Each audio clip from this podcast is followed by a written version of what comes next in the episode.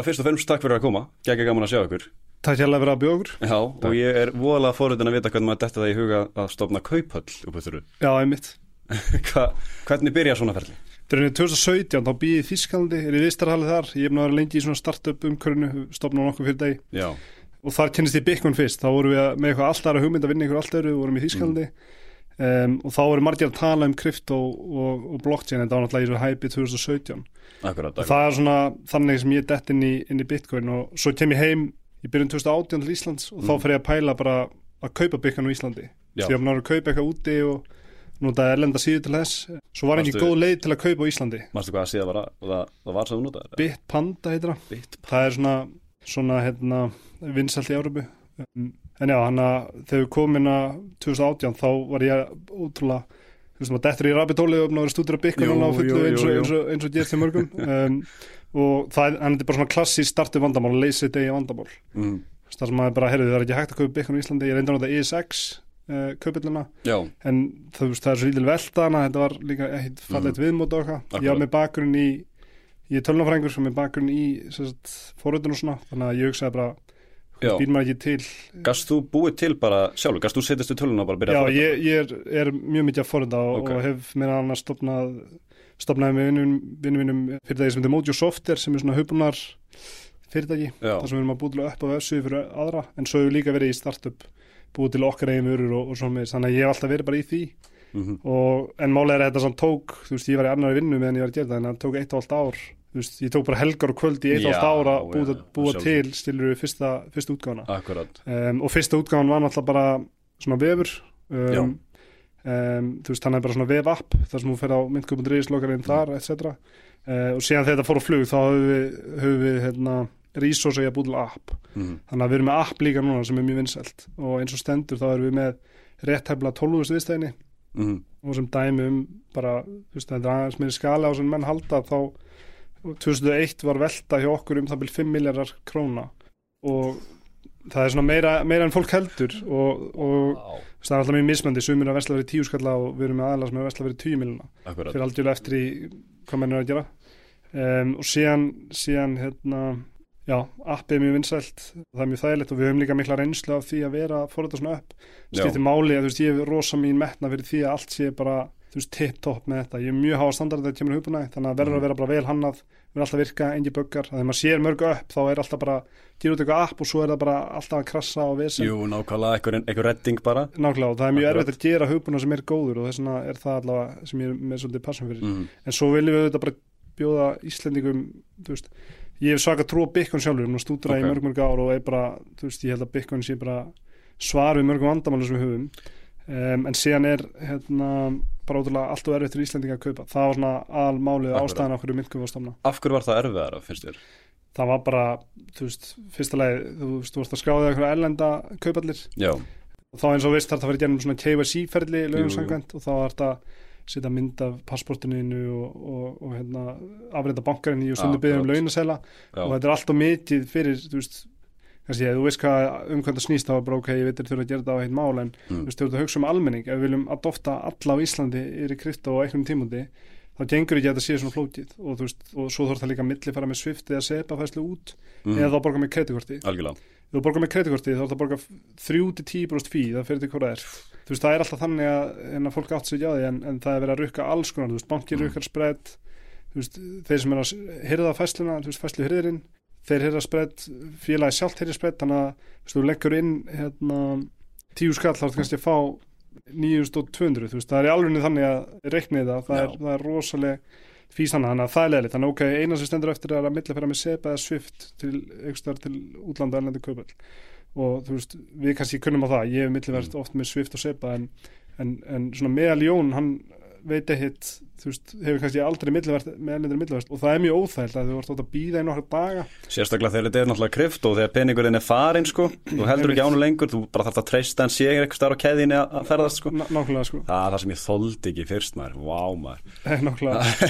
Einmitt sko, þannig að það er mjög óþægilt að vera með pening í transit, Þa, það er bara auðvitað þannig. Og þú veist, alltaf hugmyndafræði, þú ert að solva eitthvað pain Já. þú veist, það er valið við því mm. og, og hérna, þannig að það er alltaf sem við erum að hugsa bara, þú veist, ok, og leggur inn á myndköp með íslensku myndlaverslum, það er afgjötur leið þetta er eitthvað sem allir kunna, við erum með Mm. auður líka það er smá fí á auður og þeir rukka hérna fæslu fyrir það en, en, en hugmyndin með, við, við erum bara með auður og bankamyndlaverslu það sem við erum með á Íslandi Mm hugmyndin með því var að auður er bara svona um, þú veist, þú leggur um tíu skallar með auður til að prófa kerfið, það er eitthvað fí þar og eitthvað en það getur keft og þá bara heyrðu ég treyst þessu kerfi og, og hérna getur síðan lagt inn með bankamyndlaverslu og við reynum að afgreða alla bankamyndlaverslur bara um leið og við getum. Og það er oft þannig að menn er Mm. að inn miljónir og við erum alltaf með nokkra 20 miljónir á standbæ bæði fyrir út, útættir þannig að við getum í rauninni afgreitt bara veist, menn leggja inn 5 miljónir og svo farið bara pingi í síman 5 minnir setna bara að búið að Akkurat. Það er sem við erum að þú veist, við, við viljum náttúrulega bjóða þessu þjónustu og, og hérna,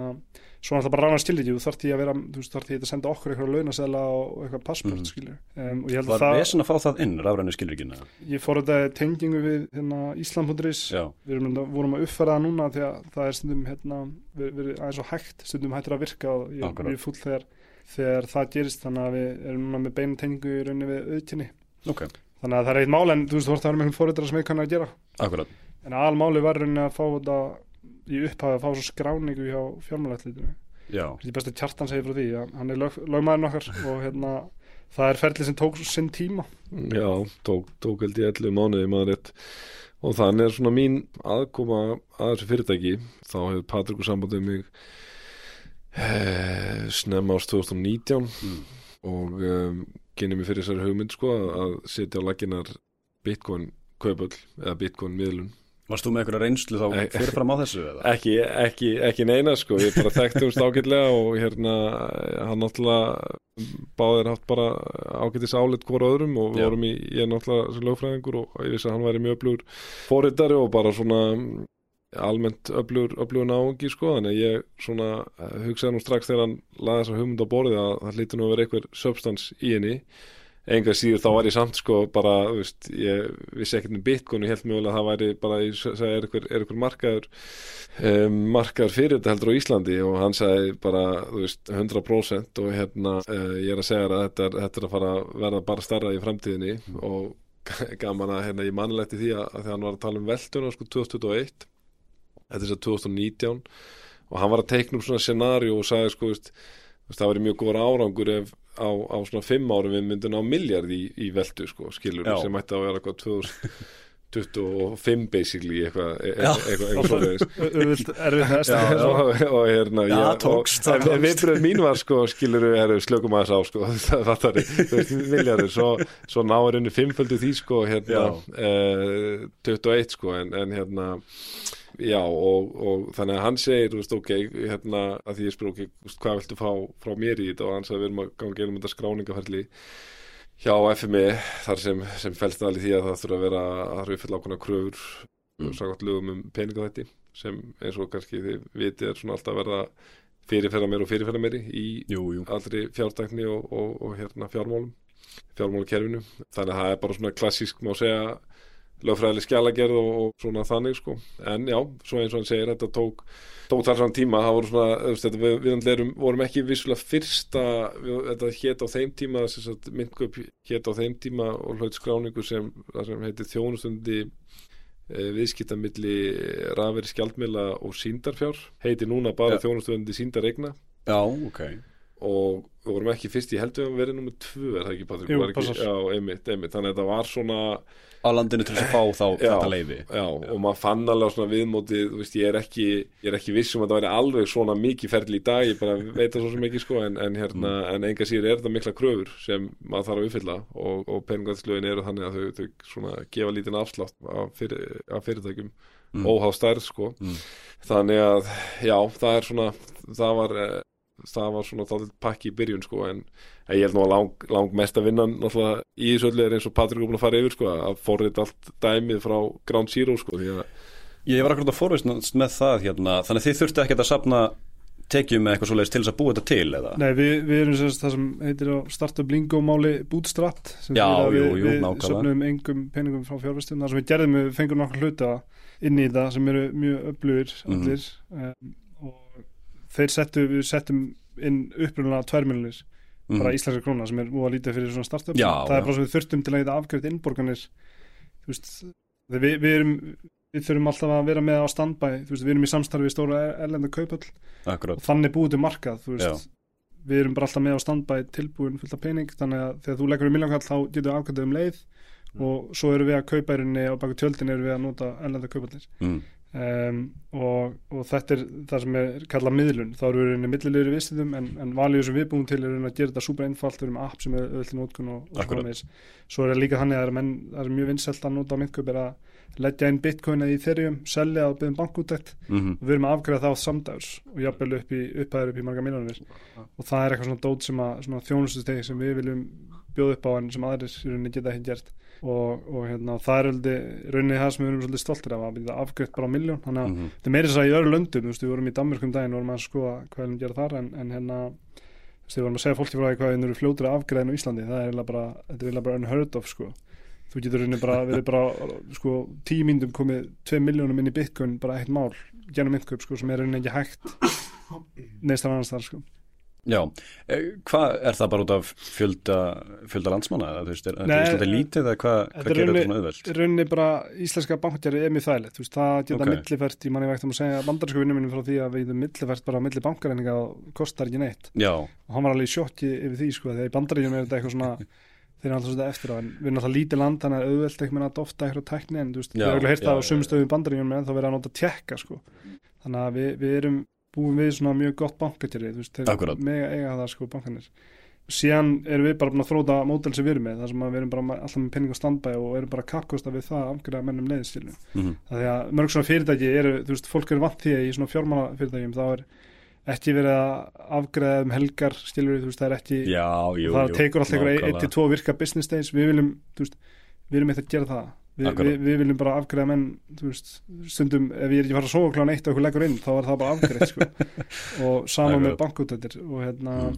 og þetta er eitthvað sem við erum stoltir af. Síðan er, síðan er líka... Þannig, er þetta ferlið þá bara allt manual eða? Er bara, Nei, við erum erum alltaf sjálfvirkni með það sem við getum af því, já, já, já en þetta er rauninni svona veist, við erum þrýr sem eru með svona admin réttindi Jú, sem við getum smellum bara takka til að afgreða Akkurat, ég skilði og ástæðan, þú veist, við getum automata þetta alla leiðina Mhm. en við viljum í rauninni gera það því að þetta er alltaf risk þú veist, að díla við peninga. Mm. við segjum að við sendum bara eitthvað krypto á stað eitthvað krypto útætt af stað sem á ekki að fara af stað, þú veist, þá erum við að tafa peningstilur Já, um, og svo er, svo er alls konar ástæði fyrir því að við viljum þetta er bara svona öryggisatriði frekar að, að við viljum að skilur, þannig að við erum að automata allt nema þetta kemur upp eitthvað svona byrðið hjá okkur og við veitum sem bara samþykja, samþykja, samþykja, samþykja mm og það er líka alls konar, þú veist, við þurfum alltaf að vera fylgjast með því að hérna, það eru alls konar mál sem kom upp í okkur skilur fólk sem er, það er svolítið verið um það að fólk lendi í svindli og það er henni, hvernig svindla á? eitthvað svona eldri aðlar það sem búið að taka yfir töluna þeirra og eitthvað, það er einn ástæðan okkur við erum, við erum með allt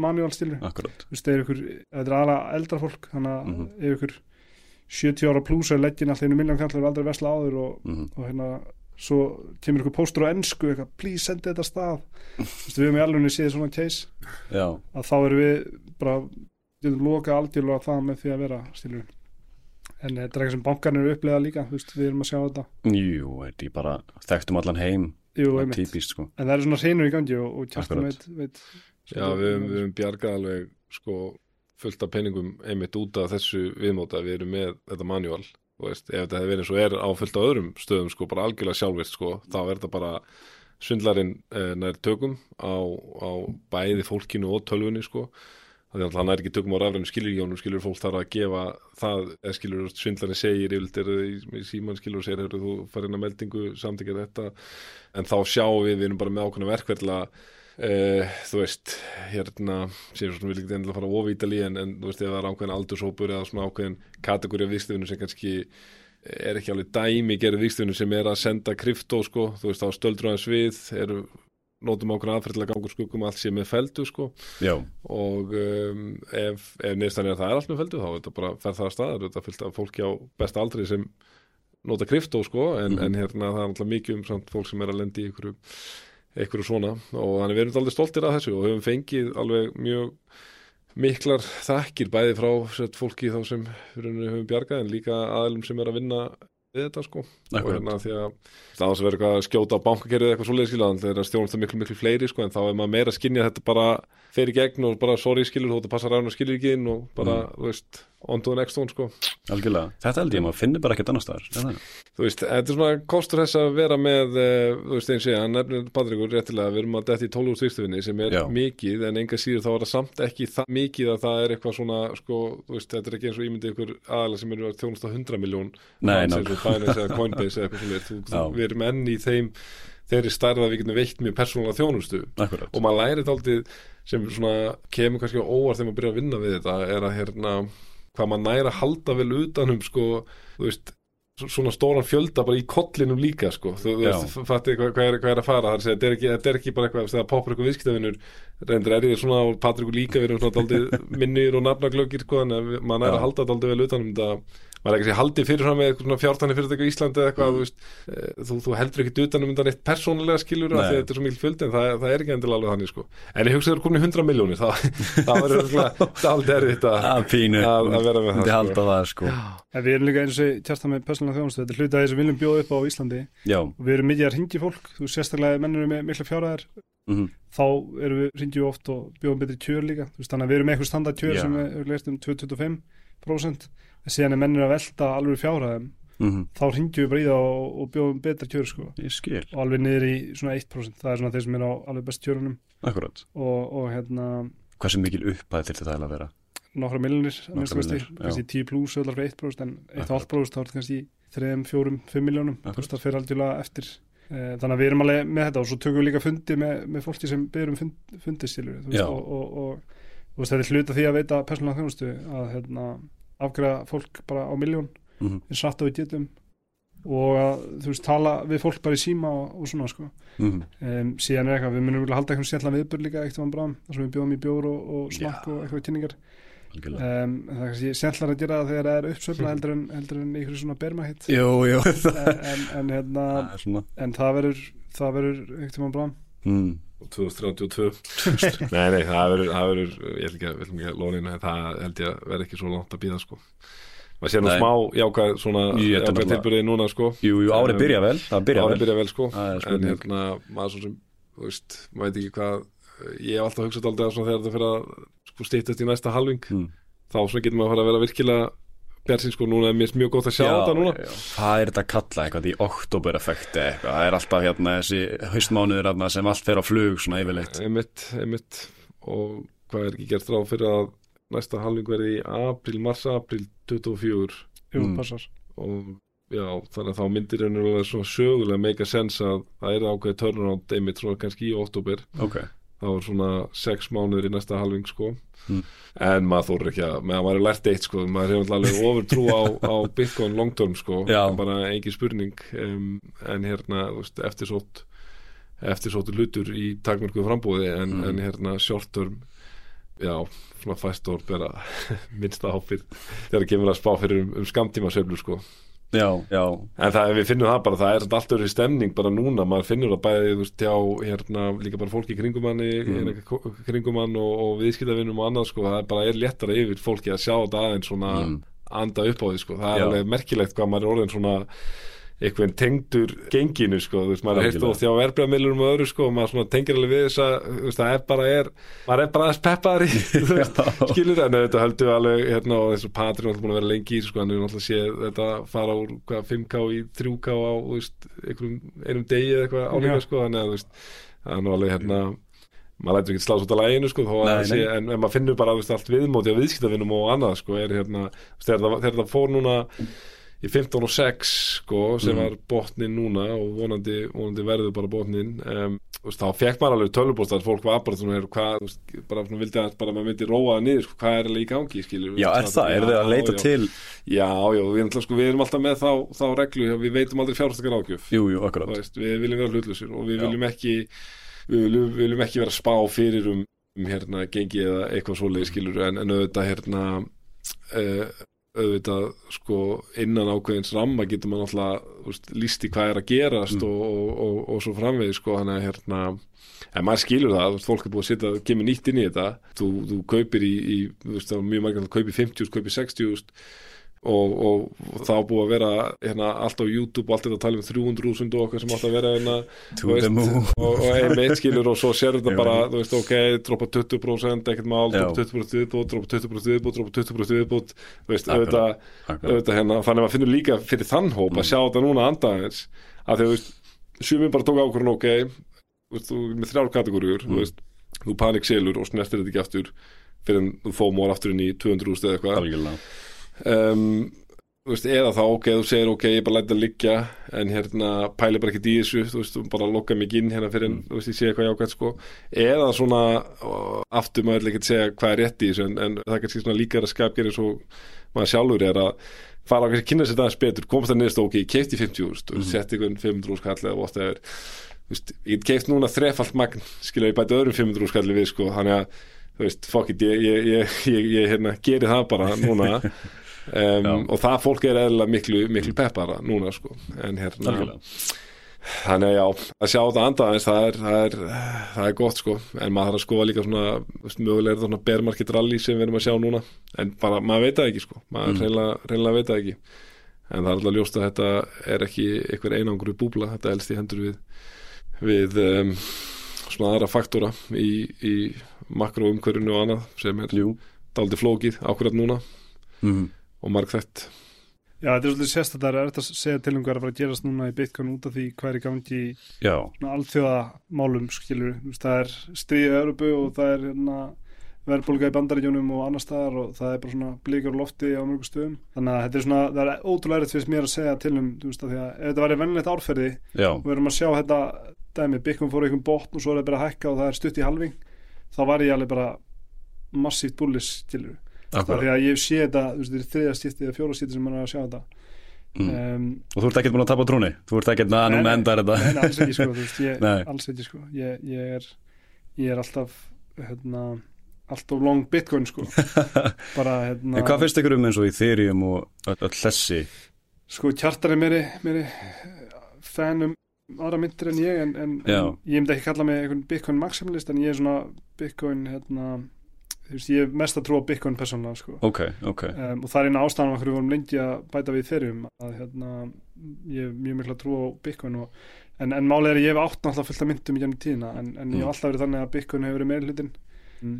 og Já. það eru einhver issue við til dæmis í þeirrum, þú veist, hvernig þið stjórnað og eitthvað, þú veist, það er ekki jafn ómiðlegt að mínum mati og Já, náttúrulega Og- það hjálpar að Satoshi litsi hverfa bara. já, nákvæmlega og, og, og, hérna, og svo er þeir að breyta svo miklu, þú veist, frá svona uppbúnar sjónarotni, þú veist, Mhm. þá er það, þú veist, Bitcoin er svo stable og er þetta að breyta og það Akkurat. á að vera þannig by, by design Mhm. en í þeirri mér ekki en, en auðvitað það sem ég og Kjartan átt samla með þetta er að við, al, við tölum aldrei þannig bara absolutt certainty þetta er málið stilu heldur erum við alltaf að segja bara ég er tilbúin að hafa fyrir mér algjörlega. mögulega hef ég rangt fyrir mér Mhm. og þess vegna er ég aldrei, þú veist, ég get aldrei fullirt Mm. byggur máli og hitti bara aldrei drasl þú veist, ég er aldrei verið þannig Nei, og, og við bættum við þeirrum og það er bara fullt af allir Já. sem vill nota í þeirrum og ef viðstæfinni vilja nota í þeirrum þá erum við bara mjög ánægðar að bjóða upp á og akkurat. auðvitað hef ég notað í þeirrum líka þú veist, það er, það er vanið að nota stablecoin til að flytja á milli og, og svo Mhm. framvegis og, og, hérna, og ég persóna hef ég mikla trú líka eða eitthvað altcoin sem ég trú á þá er það svona gaming industry coins Ok, ok. ástæðan er svo að, að ég held að adoption muni vera fyrst þar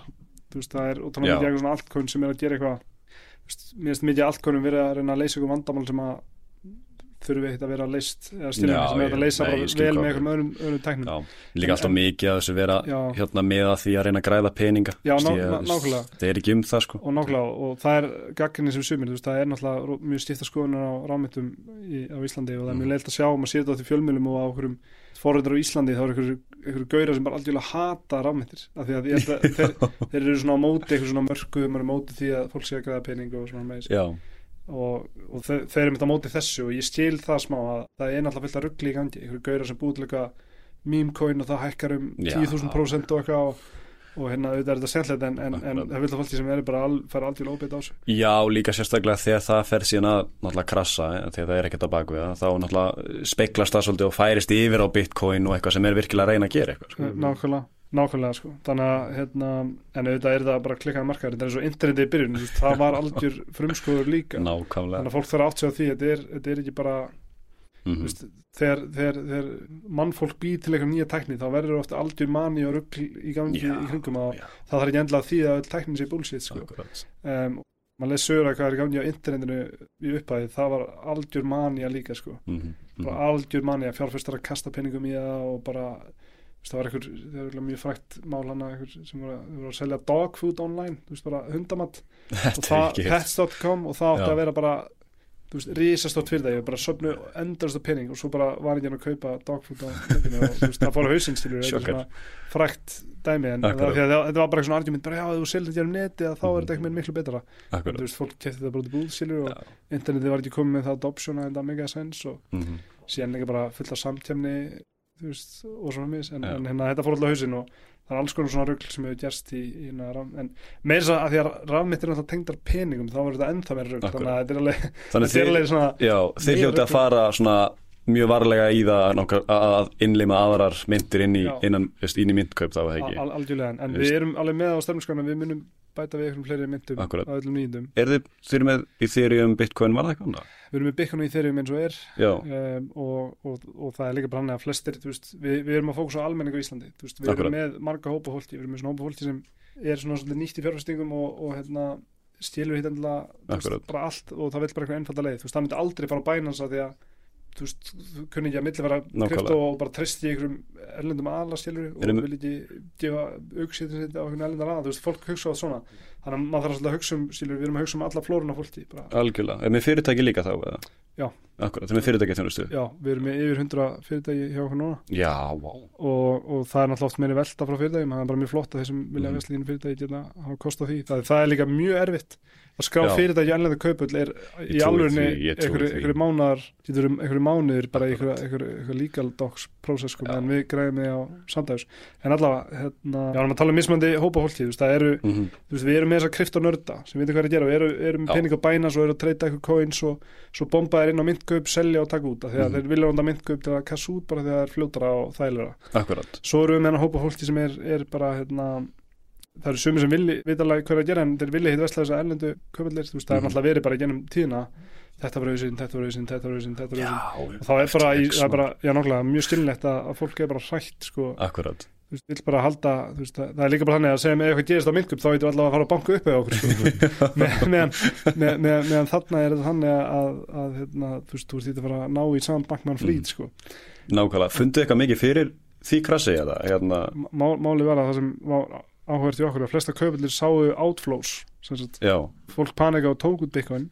Akkurat. hjá okkur sáu meiri inflows heldur en outflows. Og ástæðan er svo að við erum svona lokal aðli og fólk bara tristur okkur og vill Mm. bara, heyrðu, ég ætla, þú veist, ef maður er hrættur þá er maður bara, heyrðu, ég ætla að taka peningin einhvers stað nær, þú veist, ég vil ekki selja Já, ég ætla bara að vera með peningin nær mér, skilur og það er svona myndköp er orðið smá svona skilur þannig að við sáum fólk, skilur bara, heyrðu, ég ætla ekki að treysta þessari erlendu kaupall fyrir ná, þannig að ég seti það bara inn á myndköpurinn mín það er bara jákvæmt að, að hérna, og, og við reynum alltaf að gera allt sem við gerum til að vera tröstins verðir, skilur algjörlega maður. uh, en síðan erum við náttúrulega bara með þú veist, ef fólk hefur áhyggjur af, þú veist, margir náttúrulega senda post bara, heyrðu, ég langar út á myndköp en ég á áhyggjur af öryggi, þú veist hvað ég að gera Akkurat. og þá við mælum með bara að kaupið Ledger eða Trezor og, og, Mhm. og geimi bara í cold storage svo við keftum myndkaup en þú ert með svona fjárhæðar og treystur okkur ekki sem er bara fínt þá getur þú tekið það út og geimt á einn vesti sko. en það er ofta þetta vandamál að fólk þú veist, það er eitt allir sem kunna á þú veist, þetta er alveg flókið stilu þú veist, að setja upp einhvern Ledger og Trezor og Keys og eitthvað. Þú þetta er bara, eins og segi, fólk er mjög mismandi levels of sophistication skilur í þessu Mhm. þannig að hérna, við erum að, og segi, við erum að sjá alla flórun af fólki vera vesla sko. Ég líka man í minni persónulegur reynslu, mér fannst mjög óþægilegt að setja þetta inn á eitthvað bara hugnu við spjökup Já, sko í byrjun einmitt. ég sé bara, já, hvað gerist það? Ég týni kuppinu, það er það bara farið, sko. nákvæmlega, og ma maður þarf líka að setja eitthvað klukkt með að stúdura hvernig það virkar og allt þetta stilur, stilur hvernig það virkar Mhm. þannig að það tekur tíma að, að hérna, koma sér inn í þetta og þetta er flókið og, og svo með sko, að- Mhm. Þannig að þetta er, þetta er allir gangur á þessu. En þannig að þetta er svolítið svona veist, við, við, erum, við erum að reyna að bjóða upp á eitthvað mjög einfalt. Þegar ég, því að það, er einhver, er hérna könnun sem var gerð hjá Selabankanum sem segir að um það byrja 9% Íslandingum hafa keitt rafmynd Jú, ég sá þetta. sem er svolítið Já, en, en þú veist, ef við höfum axlu trú á Bitcoin og höldum að það muni halda áfram þá hvernig eru að fara að dofta næstu 40-50% stíl, Mhm. svo getur gæst á næstu 5-10 árum. Þú veist, ef við fáum alveg svona uppseflu og þú veist, það verður bara svona hæp veist, þá getur við að, að dofta 40-50% fólki og þá Mhm. þurfum við eitthvað svona mjög einfalda leið, þú veist, bara rafnæðan stílriki og Íslandika bankamillu og það er það sem við erum að horfa á.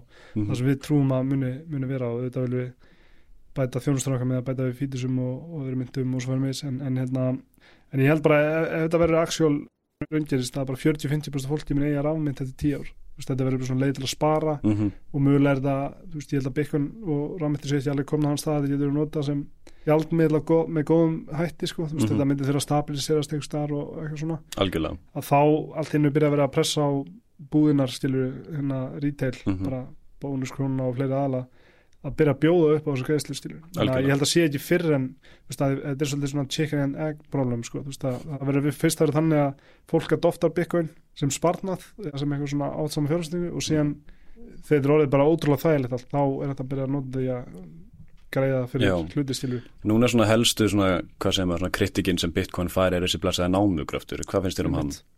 sko ég persónulega hérna, engar ágjur af, af veist, argumentið er náttúrulega að þetta nota og mikla orku. Jú, jú, en mér finnst það bara að vera ótrúlega svona skritin pæling af því að fyrir mér er þetta bara, þú notar eitthvað orku og býr til eitthvað valjú mm og fólki, það er fullt af fólki hérna mörg hundru miljón manns í heiminum sem við nota Bitcoin sem hefur trú á Bitcoin og finnst þetta að vera valjú fyrir sig þetta er svo ég kom með argumenti bara minnst raunveruleika sjónvarp er aldrei tjáftæði ég horfið mikið á það. Við erum notað fullt af orku í það, þú veist það er að fljúa einhverjum 20 Jú, myndalegu jú, fólki á jú, einhverja jú. eigu stilur og það er eitthvað og það er eitthvað eitthvað, eitthvað já, og svo er gær með einhverja kamerur og eitthvað fleira, það er bara alls konar og svo er þetta sínt í sjónvarpi sem er nota rafmagn og eitthvað, Mm. þannig að það er alltaf þetta með argumentið bara, þegar stilur mig. Þannig að mér finnst það að vera bara þetta er líka eitthvað, Bitcoin er að nota 0,01% af eitthvað og það er alltaf að bera saman með eitthvað lönd en industry er bara að nota miklu meira áldósir eru veist, það er, það er,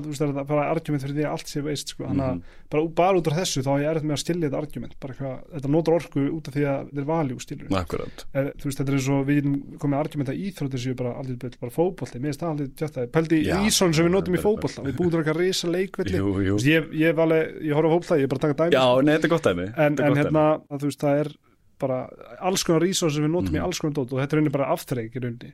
Algjörlega og þú veist, en er að fara að argjóða að þetta sé aldrei Mhm. mm stilunni þannig að mér finnst þetta að vera ótrúlega fólk sem segir þetta ef það er með argument að Bitcoin sé bara kjáftæði og búi ekki til neitt valjú mm og fólk sé bara að láta plata sig að halda það að búi til valjú fyrir það að þá, hérna, fattar mig þannig að út frá þessu sjónni þá hef ég persónulega ekki miklar ágjör af -hmm.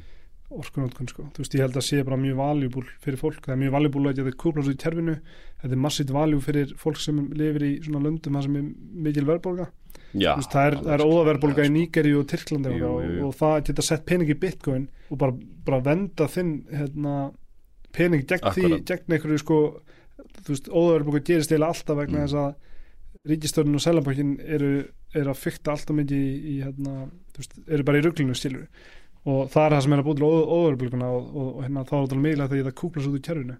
Algjörlega, algjörlega. En líka bara fólk sem einhvern veginn uh, deilir þeirra afstöða að þetta sé allt sóun sko, Mm. mín veist er svo að það er ekkert að setja bitcoin í samingi við peningalegt afla þessi peningur, það er ekki að hugsa um veist, hverjir eru kostur og gallar fiat kerfisins og hverjir eru Mm. kostur og gallar hars, stafræns uh, dreifstýrs penings eins og bitcoin sko, Mhm. þú veist það eitthvað og ég skil alveg ef þú ef þú eitthvað veginn nálgast bitcoin bara sem eitthvað algjört búblu spákaupensku bull sem Akkurat. bara eitthvað svona jaðarhópur hefur gaman að treyta jú. einhverju leverage stöðum sko um, og þetta er að taka svaka rávorku þá svona skil ég að þú getur sko Mm. Já. fengið þessa hugsunum í fast í kollin og svona Mm. ekki verið til að sleppa henni sko en þú veist ef maður, maður neymitt fer að hugsa sko bæðirindar er ég bara sammála því sem kemur fram með Patrik sko það er nú verið bara per se fullnægandi rauk sko bara þú veist við, Mhm. við ráðum hvað er valjú bara það er bara lögmál alls fráls markaðar sko en, en, en, en ofan á það sko Mhm. að uh, þá þá þá náttúrulega taka það stýpur umræðum sko uh, er það eitthvað fyrstræði spurningin bara er núverandi peningakerfi í lægi Mm. er það, það, það fullnægandi, er það sustainable sko?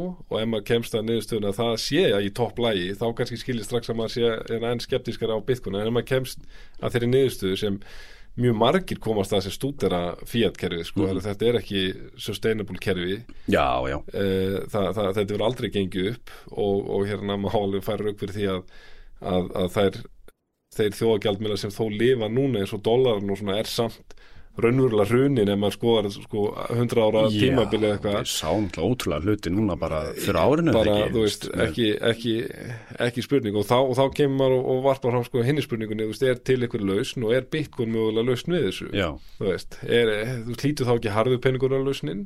Og, og uh, hvað, er, hvað er mikið frambóð að hörðum pening í heiminum? Mm Þú veist, þú ert með gull og þú ert með Bitcoin raunverulega sko, já, þú veist, eflust getur þú fundið einhver, einhver aðra harmál með eitthvað en svona í grunin er þetta þetta tvent og það er alltaf til fullt af skynsumum fólki sem trúur enn að gull sé svarið. Og ég ætla ekki að vera hrókafullur og segja hérna, að það basist tíma en ég, ég, ég held að það gangi ekki upp í núverandi heimsmynd sko. Nei. Þannig að hérna, þú veist eins og ég, sko, bara samlingin raunverulega sjónarbruninu, hvað við gefum valjú eitt og sér finnst mér eiginlega eða dálítið að sko, eða þessari umræðu svolítið út af, af borðinu, allavega svona draga úr gildina, en svo bara ón á það þá erum við bara að tala um eitthvað sem mögulega er varanleg lausn við göllu peningakerri sem ég held að allir getur verið sammál um að skiptir máli og er valjú að vera með monetary system sem virkar. Mm veist, það, það, það er held ég fullering sem er mjög varfærin að segja Já. bara það skiptir máli að vera með uh, virkandi peningakerfi sko. Það, er, það er ekki einhver, einhver punk-rock fullering sko. Mhm. og hérna og mér finnst svo skoðan fara að vera meira og meira mainstream að þess að Fiat-kerfi sé flott sko. Já, jú, jú, veist, þó sést ekki endilega þó sést ekki endilega komin á okkur Bitcoin-vagn sko. Algjörlega. Og ég held að eftir því sem svo skoðan verður meira og meira mainstream að þá fer náttúrulega meira og meira fókus á hver er lausnin við því. Mhm.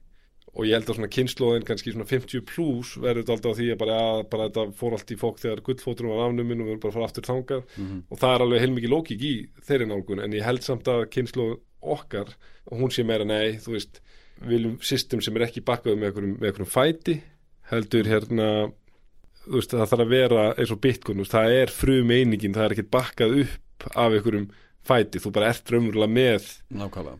fótinn sko og hann er færanlegur og deilanlegur og mm. allt þetta sko.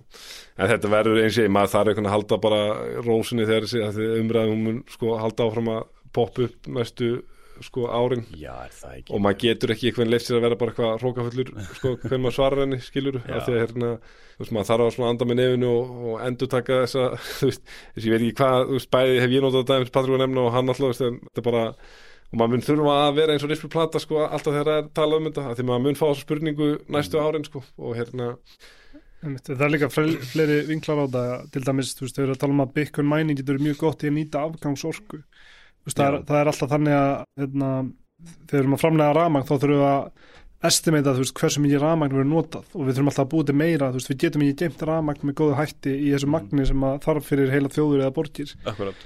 Og, og þú veist, það er líka argument sem, veist, ég fyrir alltaf beint í þetta argument sem ég tala um aðan bara, þú veist, þetta er bara valjústýru mm. en svo er þetta að fara líka í bara, þú horfir á bara hvað er actually að gera þá erum við að nýta þessu orku sem annar, myndi annars fara til spillis til að mæna Bitcoin Mhm. þannig að Bitcoin mænar er svona buyers og flastirsort þannig að við þurfum að vera með þessu umfram orku ef við áætlum vittlust sem við, við þurfum alltaf að áætla aðeins yfir og vera með eitthvað svona smá það er alltaf einhver orka sem heitir spillis þá er þetta að nýta þessu orku í að mæna Bitcoin stílu þannig að við Algjörlega. þurfum að nýta orku sem myndi annars fara til spillis í, í að gera eitthvað produktum sem er að Mm. stiðja við Bitcoin networkið sem er bara Global Payments Network.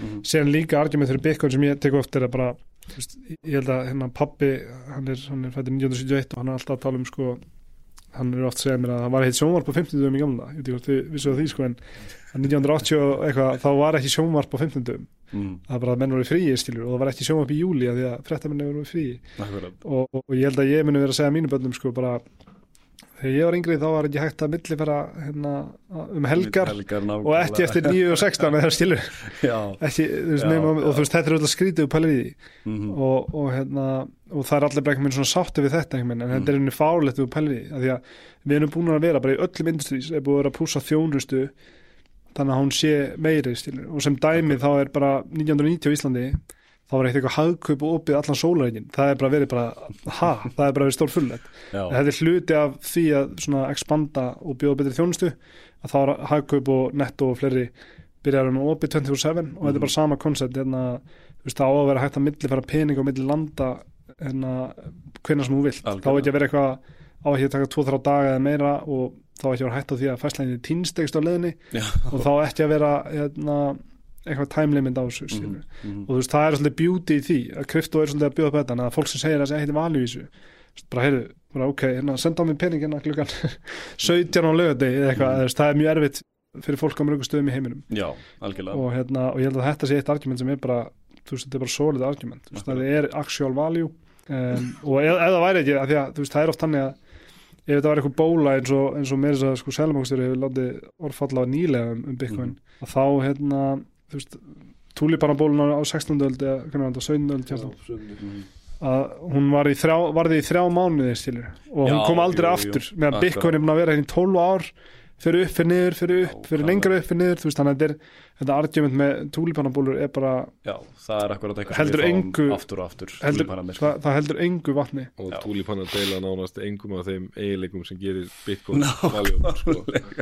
Nákvæmlega. Um, þannig að þetta er einmitt en það er alveg rosalegt hvað svona, þú veist rjómin af eh, einhverju svona intellectual sko, akademi og annað sko, er að halda fram svona gríðarlega þú veist, máttlausum rökum og rókafellum Já. rökum gagvart Bitcoin, eh, bara alls þar út í heimi sko um, sem gerir mig ótrúlega confident að maður sé réttu megin við söguna sko, Mm. af því að hérna þú veist, ég vil ekki vera of pólitískur en, en, en ég man eftir þegar það var æsef-máli sko í gangi að Já. hérna þá var maður alltaf að býða eftir sko ykkur, það var fullt af, fullt af liði sem alltaf segja að við ættum að borga sko. Og hérna um, var að skort ekki trókan og vissuna og allt það sko. En maður var alltaf að leita byrja hvað er hérna hvað er substansin í, í þessu sko. Ég man það var nú einn lagaprófessor sem tíma sem spurði bara ríkisábu verður ekki til úr engu sko. Hvað er, hvað er hérna, lagaheimildin fyrir því sko? Mm. og það var ekki hægt að svara því, það var bara að skrifa heilu greinar í kringum það. Og mér er svona dálítið svipað með, með Bitcoin að hérna maður challengear ákveðna punta og, og villur um bara fá svarið af því ef svarið er að þetta er ekki í málið sko, þá vil maður alltaf ekki vera með sparnaðin sinn í þessu sko. Akkurat. En maður fær aldrei þennan punkt, sko, þessa punkt að takla það. Og mér finnst það einu svona aðlandi sem hafa komið með einhvern mótrök af Bitcoin sem færum allir að hugsa er yfirleitt þeir sem eru hvað mest sko trúðar á þeir svo svo Michael Saylor þú veist, líka gæðir svo Rá Pal og, og hérna aðrir sem eru alveg full on sko trúa á þetta. Mm. en það verður þeirra sem einhver þeir eru einu sem eru með nægilega mikið skilning til að svona já ég gæti sér fyrir mig scenarió sem þetta myndi gerast eða þetta eða eitthvað svoleiði sko. Ég vil þetta endar Sailor á að segja að það sé bara eitthvað svona óhugsandi Black Swan event sem að vera að gefa 1% líkur skiluru en, en, en, en, en, en þið fattir hvað ég er að fara sko að því að, að því að hérna þú veist maður kannski hérna þú veist þegar að vera að leita eftir sko áliti hjá einhverjum svongullum sérfræðingum. Akkurat. Og bara svona, þú veist, já, nú er þetta orðið mjög hérna vinsælt og fólk er komið, nú er hérna komnir lífur í sjóður og nú er komnir hérna blakkar og komið og jæri, jæri, jæri og svari sem kemur er bara, já, þetta er bara svona, svona túlípana bóla, sko þú veist, og maður er bara svona, ok, ég, ég, ég skil að taka þennan punkt kannski hérna 2016 eða eitthvað, skilur, Já. 17 þú veist, ég veit ekki, þá fannst mér þannig að þá var ég ekkert inn í þessu, ég maður bara eftir þeirri samlíkingu bara svona, já, mega sense. Og Algjörlega. droppa þetta úr 2004 og maður bara, þú túlípanaði, sko. Svo svona núna, ok, heyrðu, þetta er kannski þetta lítur eitthvað aðeins dýpra en það, sko, og þá Mm. færum maður aldrei confidence að sé réttum með í söguna ef þessir klárustu aðilar sem, sem til er þessu establishmenti sem er anti-bitcoin, Mhm. ef það getur ekki fundið upp meira compelling rög af hverju þetta virkar ekki. Akkurat. Og ég held að sé bara augljós hvert svarið er, það er bara Fiat-kerfi gengur ekki upp Mhm. soft money gengur ekki upp, hefur aldrei geng, gengið upp Akkurat og við þurfum dreifstýran pening Mhm. í takmörkuðu magni sem uppfyllir þessi skilir sem pening þarf að uppfylla og það er enginn sem getur deilt um það að Bitcoin uppfyllir þessi skilir Mhm. og þá er spurningi bara er þetta, er þetta gull eða Bitcoin og, og það er actually argument sem er, sem er gott að taka en ég er svona þú veist, e, fer líka daldi brattur inn í það, þá raugræður Já. verandi Bitcoin megin sko. bara inn í, í stafrænum heimi það er bara mjög erfitt að flytja gull og það er líka kostnæðarsamt að flytja gull og þú, þú endar alltaf á því að þú veist vandamann sem þú reyna að leysa er að þú ert í að treysta neinum fyrir þínum eigum stýrur Mhm. En ef þú ert með gull, það er alltaf dýrt að flytja á milli. Þannig að eina leiðin er að geymið ykkur banka kölvingu eitthvað Akkurat og svo ertu með svona pappirsgull það sem þú ert með ávísun á eitthvað gull. Já, og þá lendur þú aftur í sama vandamann að þú ert með peningamagni umferð skilur að þú veist ekki, þú ert að treysta sælumbakunum og þeir sem stjórna peningunum að Mhm. þeir séu ekki að prenta á mikið á honum og þeir séu actually að segja satt. Af því að það er margsins þér til sögunni. Alltaf bara, Já. alltaf. það er bara eins og með, með, þú veist, þetta var þannig að, að hérna, í gamla dag var, var dollarin bakkaðar á gulli jú, jú. og, og hérna síðan, síðan var það orðið þannig að til að, til að fönda fyrri, líklega fyrri heimstöld eða setni heimstöld kjartan? Já, það var svona byrjar þetta rugl sko. Þá- en, þá- en Vietnamstríð var svona það sem var líkistu naglin Já, já, einmitt, þannig að þú veist, til þess að fjármanna þessi stríð þá, þá, þá prentuður fullt af pening á þess að vera með gull á bakvið þetta átt að vera bara veist, ég man ekki hvað, ein umsar gulli jafnmyndi og einhverju x margi dólarar skilur Mhm. og þá var það, en það var síðan ekki raunin, heldur voru þeir búin að prenta bara fimmfalt eða sjöfalt meira en átti að vera til Mhm. og, og þá eru þeir allir úsla ríkir og geta nota peningi sem hafa ekki þetta staðar skilur. en Já. það sem þeir gerðu, bara í alveg í bandarín ég held að það var 1930 okkar hjartan Já. hvernig var þetta sem þeir þvingu þetta var fyrir það, þeir, þeir þvingu að Alla til að skila inn, inn, inn Já. gullinu Er það ekki brett um að það voru var bara, hérna- bara gengi bara house to house bara þú bara varst þvingað til að afhenda allt fysikal gull Mhm. fyrir hérna á, á, dólar, á sko. lækkuðu verði, þetta er svo eitt bitcoin er, er, er hvað, 23.700 dólarar akkurat núna, Mhm. Ég myndir að ríkja myndir að banka upp að þér, bara, herru, þú var 10.000 dólarar enna fyrir eitt bitcoin. Og bara, ef þú- komplæðir ekki þá setja við í fangilsi þetta gerist í bandaríkjunum hann á 1930 og, veist, og þetta er bara eitthvað svona veist, fólk sem hættir að pæla í þessu alltaf, fólk hættir alltaf að pæla í eitthvað svona dóti og þetta er bara svona eitthvað minn eðlert en, en, en þetta, þetta gerðist og, og þess vegna er bara sanur uppfulla þessu. Og meira að við fyrir aftur Rómaveldist þá voru, þú veist, það eru náttúrulega erfitt að vita, það eru þýrjur um af hverju Rómaveldi lefandi lók en, en, en ein pælgin að þeir eru að þinna gullið sitt út með kopar. Akkurat. það bjóti verðbólgu og instability í, í, hérna, í, í þeirra kjærfi og, og það var sérst, hvort það var vestur og austur Rómaveldi sem lifiði eitthvað áfram? Já, það var, það var þeir voru með hreint gull. Austrómanska ríki liði, liði miklu, miklu lengur. Það liði til uh, hvað, 1454 Vestrómanska liði til lók 400 og eitthvað Mhm. eftir Krist. Og það er með þeir, þeir byrjuðu miklu rapidli að þinna út Einmitt. villi, sko, og ég held að það er bara tekið einhver veist, frá því þeir byrjuðu virkilega að gera það sko, það tók að bara hundra ár sko. svo liði, Bísansríki sko, Austrómanska ríki alveg bara lengi vel eftir þetta sko, en svo byrjaði þeir að gera þetta og það tók einhver var vist líka 200 árið eitthvað sem að, sem að tók sko að líðendur lók en það er alveg augljóst bara samingi, alla viljum við meina auðvitað er maður alltaf eitthvað smá bæjast en ég held að það sé mjög varfærin fullering að segja að það er augljóst samingi millir hversu vel vegna samfélaginu og hversu sterkir eru innviðið samfélagsins versus hversu góður er peningurinn Mhm. á þess að vilja setja eitthvað bitcoin-gleirun og mikið á sig en sjá bara hvað er að gerast í bandaríkjónum veist, og, og bara víðar í heiminum sko. þú veist, hérna manni finnst eitthvað svona þú veist, mögulega er það fjarlangir fjöllin blá og allt þetta en manni finnst svona hefur maður lítur aðeins aftar sko. þú veist, það hafi verið meira svona stórveldi með allt á hreinu og, og hérna manni finnst eitthvað svona maður sjá dálðan hnignun því miður í vestrannum heimi. Uh, auðvitað fullt af góðum hlutum að gerast líka sko, Mm. ekki spurning en hérna ég er daldi orðin, orðin þar að, að, að þetta hafi mikið að gera með uh, peningakerfið er ekki gott. Og við erum múin að vera með þetta Fiat-kerfi núna í 50 ár. Akkurat. Eða 50 og vera fyrir 50 þetta var 1971 sko. Mhm. má segja að sér reynir samt búið að vera miklu lengur í gangi en svona alveg full on Fiat bara ekki ein, einasti þjóðgjaldmiðl bundin einu sko. Mhm. Og ef sagan endur tekur sig, þú veist, ef Bitcoin kemur ekki til bjargar sem, sem rittarna hvíta hestinum sem við náttúrulega trúum að, að, að gerist að þá, þá væri svona já, þá kannski er, er ekki sérlega góð 50 ár framöndan sko. en ég, ég er samt þannig, ég er alltaf mjög bjarsýtt bara almennt á, ég trúi mikið á mannkinu og ég er mjög bjarsýtt á alveg hefni mannsins þannig ég vil ekki vera eitthvað svona dúmstegsbámaður sko, Al, alls ekki og það er fullt af góðum hlutum að gera sko. Nei, nei en, en uh, það sýnir sér smá satt með, með Biden þú veist, Biden er er bara með mjög slæm, slæm elli hérna glöp. Elli já. Það er bara mjög augljóst og í það Óþefs. fólk sem neytar því er bara út á túnni Já, að mínum að því að það, þú veist það, fólk það bara að horfa komast því, þú veist, hann er bara alveg, hann segir bara eitthvað þvaður, hann er leittur út á sviðinu. Þú veist, það, er, er, er, er smá fyndi en þetta er líka veist. Þetta er mjög skeri, sko. Að, hérna, þú veist, þetta er bara leader of the free world í rauninni, leader of the west hann er bara, í- hann veit ekki hvað hann heitir alltaf skilur, og, og, og þetta er sýnir einmitt dæmi um aldrei á hnignun það er meira þess að Ray Dalio Mhm. sem er frægur billjónu, þið kannast kannski við hann. Jú, hann, hann hérna, hefur með þess að vera að tala um þetta bara hvernig stórveldi minka og, stekka og, og svona meins að við lesum bókin hans. Já. já, Já, og, og, og hérna hann er, veist, hann er einmitt að tala um, um, um þetta í nýjasta vídeo, þar sem hann er að tala um bara hnignum stórvelda. Nákvæmlega og hann er að tala um bandaríkin eru, veist, hann er bandaríkin maður sjálfur og hann er samt að segja, stilur, mm. veist, maður sé bara hvað byrjar að gerast. Og hann talar einmitt gegn þessi peningabrættin og, og hérna, hann skor á byggunni svona, hann segir að þetta sé áhugavert en, en, en hann er samt að segja það er vandamál í dag með peningaprentun og, og hérna, þessar verðbólgu sem við erum að sjá og, Mhm. og allt það dæmi. Það er, það er svolítið mjög óreiða í gangi í samfélaginu og mögulega er það samfélagsmiðlum að hluta til að kenna eitthvað, veist, upplýsingar ferðast svona hraðar. Sem að horfum baka til 1990 þá var veginn heiminu var meira settlegur, núna líður mann eins og, eins og hérna það bara, við séum að barmi sko hérna, borgarstyrjaldra á, á, í mörgum vesturinn ríkjum sem er bara stór fyrirlegt sko.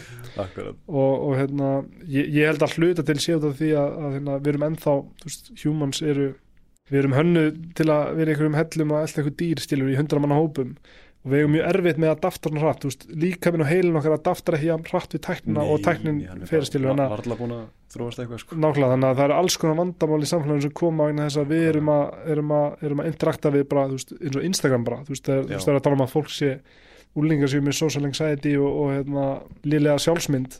Hlutil út í að sjá bara hérna þú opna Instagram og það er eitthvað svona Mhm. fallegasta fólk í heimi bara, bara on display hana og, þú, og þá líður illa, þú veist, það sérslega með teenage hérna, stilur mig, þetta er svona við erum ekki hönnuð fyrir þetta og Nei. þetta bara, þetta fokkar aldjúlega í okkur á svo marga vegu Mm. og þetta heldur spilast út í allt sko, þannig að við erum alltaf að díla við þessa tækni bara. hvernig getur við þessi hérna, hérna, Stone Age heili verið að díla við Já, þetta við, er hérna- ótrúlegt upplýsingaflæði það er mjög auðvelt að vera nýlískur í, í samfélagi þar sem getur séð alltaf slæma í heiminum á einum stað sko. nákvæmlega sko, það er voðalega e- einmitt sko og, og sko mingur mun laga þetta allt sko. það er það er, það er, það er, það er, það er ástæða sem mingur að stofna sko. við erum að fixa öll þessi, þessi vandamál sko. Nei, þetta er, þetta er samt ágríns þetta er, þetta er mjög gaman að tala um svo hluti og ég er alveg sammála Patrik en ég bara, maður reynir þetta að passa sig að svona verði ekki of svartsýn það er svo auðvöld að verða þetta í að verða svakalega svartsýn sko þegar maður byrja að pæla í hlutum já, það og það er að minna sig á það, það er líka fullt af góðum hlutum í gangi Algjörlega. og það finnst mér enda líka verið aldrei fegur en ágríns við Bitcoin er að hérna allavega eftir að ég byrja að stúdera Bitcoin og kynast þessu, ég bara svona varð jákvæðari og Mhm. bjarsinni í Já. bara, og ég veit að það er fullt af fólki sem tengir við það sko, að því að maður er bara svona herrið, þegar maður byrjar að stúdera hvað það eru margi faktorar sem haldast í hendu, hvað, hvað verðbólga til dæmis er, ef við ætlum að tala um ójöfnuð þú veist, það geta allir alveg saman hvað þú ert að pólitískum á það geta allir verið saman um að ójöfnuður er ekki gott fyrirbæri, það er mjög slæmt fyrirbæri Mhm. við getum svo tekið umræðu um sko, hvernig eigum við að, eigum, við að hérna leysa hann, er það endilega heilbrygt að leysa hann með einhverjum miðstýrum aðgerum og þinga fram einhvern veist, það, það er Mhm. flóknar umræða sko, en ég held að allir getur samanlega að mikill ójöfnuður er, er slæmur sko, en hann er því miður bara óhjákvæmulegur svo lengi sem við ætlum að vera í einhverju svona meritokratísku samfélagi. Já. en hérna en hvað sko verðbólgan hvað hún ítir svakala undir ójöfnuð sem bara ok, þú ert nú þegar með hérna, kannski fólk Mm. er ekki alveg jafnt að burðum þegar kemur að því að til dæmis afla peninga og svo framvegi sko. Og svo það sem þú gerir í þessu systemi sem eru núna, þessu fíatkerfi er að þú í rauninni leveragear kraftin hjá þeim sem eru fyrir með sko mikið advantage, bara 10x algjörlega. Og svo er öll umræða sko, þú veist, í samfélaginu hérna, þú veist, ekki taka lán, ekki taka áhættu, jæri, jæri, jæri, play it safe. Í systemi sem þú er bara döðadæmdur sko, eða ert að play it safe sko, skiluru og, og ríka fólki veit það sko, skiluru, herru, við þurfum bara að vera hérna, gýraðir á að fá lánaðan basically bara sand sem þessi fiat peningur er sem er bara prentaðan og, og konvertum því í harða regnir og spilum hennar leik bara og Mm. búum til generational wealth sko. Um, og hérna uh, sko og þegar bara hugsa ok, wow, ef við þú veist, bara það að leysa þetta issue Mhm. með því að fá harðan pening eins og bitcoin þú veist, það myndi eins og ég þú veist, þú ert, ert ekki að fara að leysa vandamáli svo ójöfnuð, þú veist, bara að því að það er bara eins og ég segi, menn að fólk, það, það, það er eðlilegt að þeir sem, þú veist, muni ekki allir fá sömu einhvern á prófi eða muni ekki allir hérna, fara í Hall of Fame í NBA eða eitthvað svoleiði, sko, Mhm. en við erum alltaf að reyna að hafa kerfi þannig að, þú veist já, sangjarn, þannig að ok, ég kannski átti aldrei sens að vera góður og Lebron James skiluru í korfbólta, en, en hérna það verður aldrei verið að það hefði líka verið tekin að mér vinstri höndin, sko, og sett á Lebron skiluru til að vera með þrjár hendur, sko, fattu ekki hvað er að fara, Jú, það jú, er aldrei það sem Fiat-kerfið er, sko, Mhm. þú veist hygglir þeim sem eru þegar með advantage alveg svakalega, sko algjörlega. sem Bitcoin gerir ekki, sko. Mhm.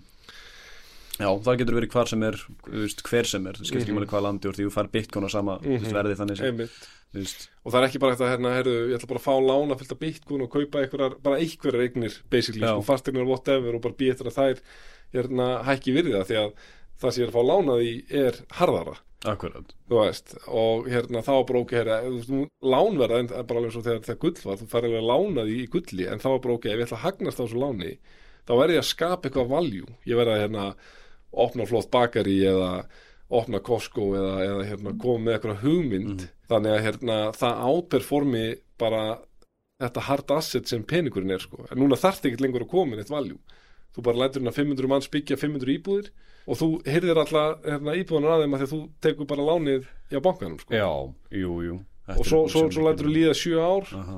og þú er búin að þrefalda fjárfestinguna og þú Akkurat. greiðir upp lánið eða ekki, bara heldur þessu árum en getur greitt upp lánið og haldið eftir svaka profit sko. Þú veist, og það hljóta allir að sjá þetta getur ekki verið eh, og maður er fann að tala eins og- eins og sósialisti sko, sem, sem, ég er, sem ég er alls, alls, alls ekki sko. en hérna ég er bara því að þetta fíatkerfi er bara flott algjörlega óháð því hvað þess vegna finnst mér líka þetta aldrei leðilegt að sjá hvað sko, það er oft fólk á vinstravægnum að eins og ég vil ekki hafa þetta pólitík sko, hérna, en, en svona e- er oft meira anti til dæmis bitcoin Mhm. sem ég er bara svona veist, í alvörunni skilur áttar á að þetta er að challenge þetta fíatkerfi sem er bara ójafnar sko inflator bara Aha.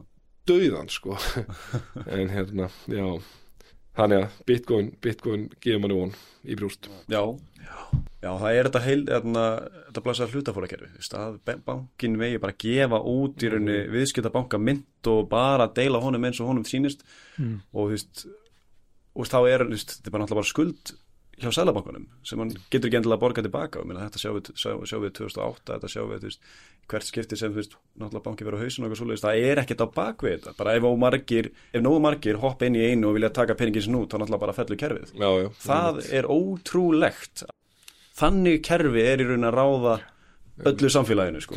það var eitthvað kvót frá hérna, ég man ekki hver var með kvót if people would know how the Mhm. fractional reserve banks Mhm. work there would be a riot in the streets the next morning það Jú, það var eitthvað sem sagði eitthvað svona ég man ekki alveg hver það var uh, mjög láta Milton Friedman eitthvað Já, nei, ég hef þetta líka en, en hérna ekki að hann er að segja þetta já, úr kerfinu alveg já. já, nokkla en, en það er, þetta mm Mhm. En já, þetta, ég samla kjartanum að maður vill ekki vera ósvarsinn á, á framtíðina og, og hérna, ég held að eina ástæðan Mm. mm. að þetta er eins og Michael Saylor og Michael Saylor á lénið hope.com og það vísaði mynd á Bitcoin, ég held að þetta sé mynd ástæðan fyrir því, hann talar um að vera hópfúl að það eru ákveðna teknir sem eru, að því að það er svo margt sem verðist vera vera hérna fara í vilt svo átt á, Mhm. í, í samflæðin okkar og þetta er svolítið svona sem er að, að mínum enda að fara rétt átt Mhm. en það er samt alltaf þannig að, að við erum það er eitt með samfélagsmiðla og, og þetta dæmir að þá erum við, við erum, við erum ósla, ótrúlega bæjast á að taka upp vondar fréttir stil Mhm. þannig að og fjölmiðla vita þetta, þess vegna er ótrúlega mikið svona sjokkerandi og, og hérna, slæmum fréttum argumenti er svona biological að þegar við vorum, á þessum, vorum steinaldamenn og þú heyrður eitthvað þrusk í runnanum og ef það var veist, þá þarf þetta að bregðast við þannig að við erum svona við erum, við erum hönnuð í að bregðast meira við hérna, já, slæmum, slæmum fréttum og ógnum og og þá, og þá fyrir fjölmiðlar í það að framlega ótrúlega mikið jú. annarkvort svona sjokkerandi fréttum e- eða eitthvað svona, svona þú veist þannig að Mm. mm. þessna eru margir ég þekki nokkra sem eru bara, ég les ekki frétt lengur. Út af því að þú ert að baða þessum í þessuna við þurfum líka að passa okkur á því að við erum ekki of bæjast og við erum bara okkur líður eins og allt sé að fara til fjandans.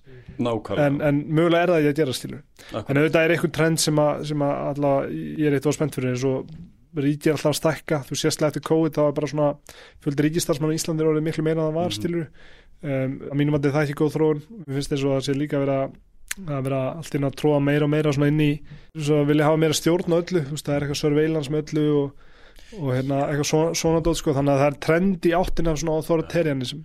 Já, já. Og það er að mínum að ekki endilega gott þannig að, og þú veist, þú skoður þetta frá 1990 þá er þetta ekki meina eins og þetta orðið verra en það var. Akkurat. En, en hérna, en eða ég segi, við þurfum bara að sjá hvernig það spilast út og það er mjög spendi, ég er samanlega Bitcoin er, eitthvað sem ég held að vera mjög mikilvægt í framtíðinni, en við þurfum bara að sjá hvernig það spilast út. Og ég held að þessi kerfi geti coexista Mhm. það er alveg valjú að geta farið í bankan og fengið lán, veist, það er alltaf fraksjónulegur serv og allt þetta, Mhm. en, en, en þú samt, hérna, þetta ger, gerir það að verkum að það geta, veist, með því að vera með svona, þetta kerfi þar sem þú getur lána pening, þá, þá, þá býr þér svona bólur, þú þú fer úrslega hratt upp eins og 2007, svo hreinur þetta allt niður og, og niðurseflan verður stærri en hún þarf að vera, þannig þetta er ekki svona jöfn þróun, heldur er þetta svona, stilur Jú, og það er ekki endilega holdt heldur en, en Mm. við erum búin að vera í þessum sækul upp niður, upp niður Mm. út af fíatjörnu en það er líka valjú í þessu að þú getur búið til hluti hraðar um, vegna þess að þú veist þú getur fengið lán fyrir að gera alls konar. Þú veist þeir eru með eitthvað startu fyrirtæki þá getur fengið lán hjá bankanum til þess að eða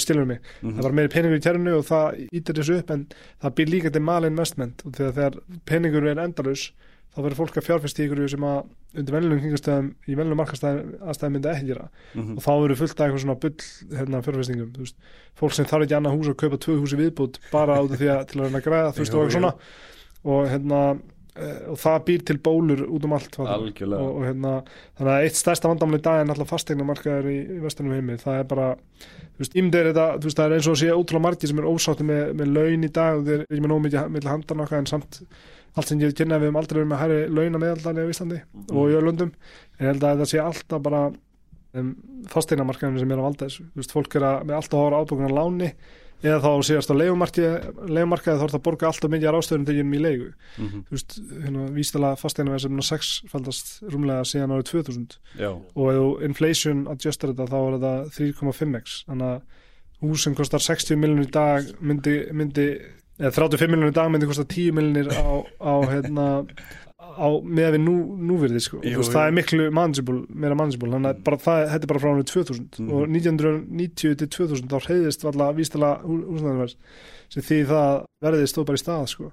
og þannig að það var eitt mál fyrir þessa kynnslóð, þú veist, fyrir okkar kynnslóð það er að versta bara, það versta er að við getum eiginlega heitt komið það ekki undir höfu nema eiga bara endalista penning sko. Mhm. og þú veist, pæli í því að þið getur keft hérna, hérna 50 fremdra íbúð eða 60 fremdra íbúð á 10 miljónir það væri ekki slemt þú veist, það er, það er núna 35 miljónir á, á núverið eða skilur mig, og, og, og, já, já, vel meira held ég sko. Þetta er 3,5x síðan ára 2000 já, já, Ver, já. verðbólgu adjusted. En, en ég, ég sé ekki segja með launin sko er að hérna þú veist oft þegar einmitt svona að hægra megin á, á vagnum er að hampa því að kaupmáttur aldrei verið meiri og okkar, okkar svo leiðis Mm. ég held, ég hef ekki sér tölur um það en ég er mjög viss um það ég geti trúa því að kaupmáttur launa, gafar fasteinamarkaði hafi mjögulega aldrei verið verði en hann er núna. Já, 100% Þú veist, og það er náttúrulega raunverulega þú veist, má segja kannski ekki að einu skipti máli en það skiptir lang, lang mestu máli. Þetta er alltaf dýrættar sem að kaupa þú veist, já, og, og er þess vegna er, þú veist, og það er sem er svo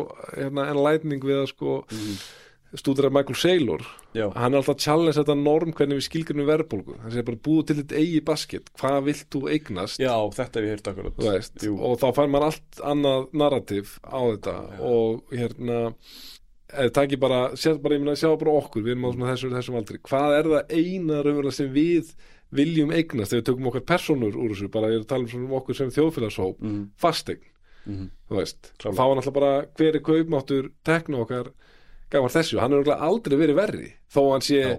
Klárlega betri gafart einhverjum áskriftum á, á, á netinu á YouTube eða já, eða tómati og, og og eitthvað svoleiðis Já. skilur við og ég ætla ekki að gera lítið úr því það er alveg, alveg valjú skilur við en, en hérna, sérstaklega ef maður ætti fasteign Mhm. þá myndum við að kunna meira með það sko. nákvæmlega. En, hérna, en þetta er einmitt máli og e- einhvern finnst mér svo, svo ótrúlegt hvað það er.